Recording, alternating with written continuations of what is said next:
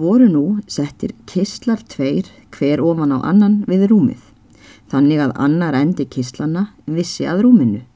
Síðan valið stærsta tróið er tilvar á bænum og lagt á kistlana. Eftir það fór Hannes af börusinni og stóð eftir snökklætur að ofanverðu. Smegði því næst skirtu ermönum upp yfir onboga og tók til að þæfa og hafði alla sokkana undir í senn. Satt hann nú einn á rúminu og þæfði þegjandi um hríð, en stúlkurnar sátt á hinum rúmunum og prjónuðu. Ekki leið nú á löngu, áður þær tæki að manga til við hann um sögu og stutti aðalsteinn það mál, en Hannes fór undan í flæmingi. Það er eins og fólk haldi að maður þreytist aldrei að segja þessar sögur, sagði Hannes æði þurrlega. Þetta jag og stakl gengur á hverjum einasta og eilífasta degi sem Guð gefur yfir. Æ, blessaður, sagði Björg. Þú sem segir sögur allstaðar annarstaðar, allar þau ekki að gera okkur úrlausn líka.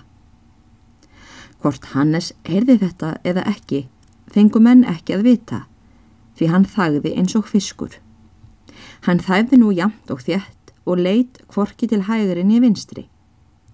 Þú mátt til að segja stúlkonum rétt eina sögu núna í rökkrinu, sagði aðalsteinn, svo hlýlega sem hann gat til Hannesar og klappaði á aukslina á honum um leið. Hannes þæfði og let verða byð á svarinu. Þó tók hann loks til máls og sagði mjög alvarlega. Ég segi ykkur það satt börn að ég er farin að trénast upp á því að segja þessar sögur. Ég er líka farin að gleima þeim. Þetta er farið eins og annað fyrir mér aumingjanum. Rett eina, sagði Björg, en það var steinhljóð hjá Hannesi. Já, eina að minnstakosti, sagði Solveig, en það var sama svar, eða svara leysi hjá Hannesi. Rett eina stuttasögu, sagði Ingeriður. Já, einhverja smásögu, þó ekki sem eir, sagði Una. En Hannes stóðst allar þessar árásir með hóværi þögn. Nú var sem stúlkunum væri öllum stemt þangað er Björg var og tóku þær nú til að pískra saman um eitt hvað, en orðaskil heyrðust ekki. En þær munu hafa verið að íta undir Björgu, að hún skildi setjast hjá Hannesi, en það varð niðurstaðan að menn heyra þá hreyfing í myrkrinu að einhver flytur sig af fremri rúmunum inn á rúmið til Hannesar og sest hjá honum. Þetta var Björg og er hún komin þar með prjónuna sína. Hannes þæfir og tekur ekki eftir neinu. Æ, segð okkur nú eina sögu, sagði Björg fast við eirað á Hannesi.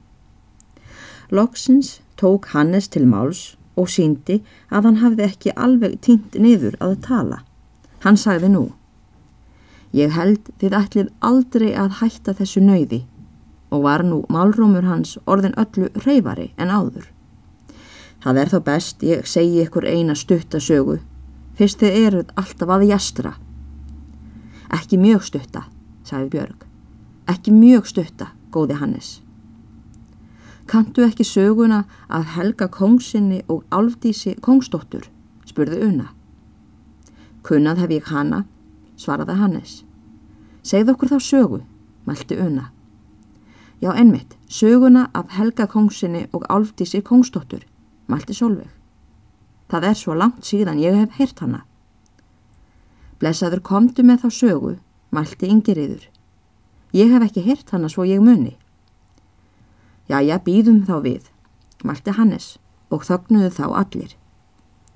Tilherindur Hannesar voru sex talsins í þetta skipti. Stúlkurnar fjórar, aðalsteinn og litli Benedikt, sonur hjónanna.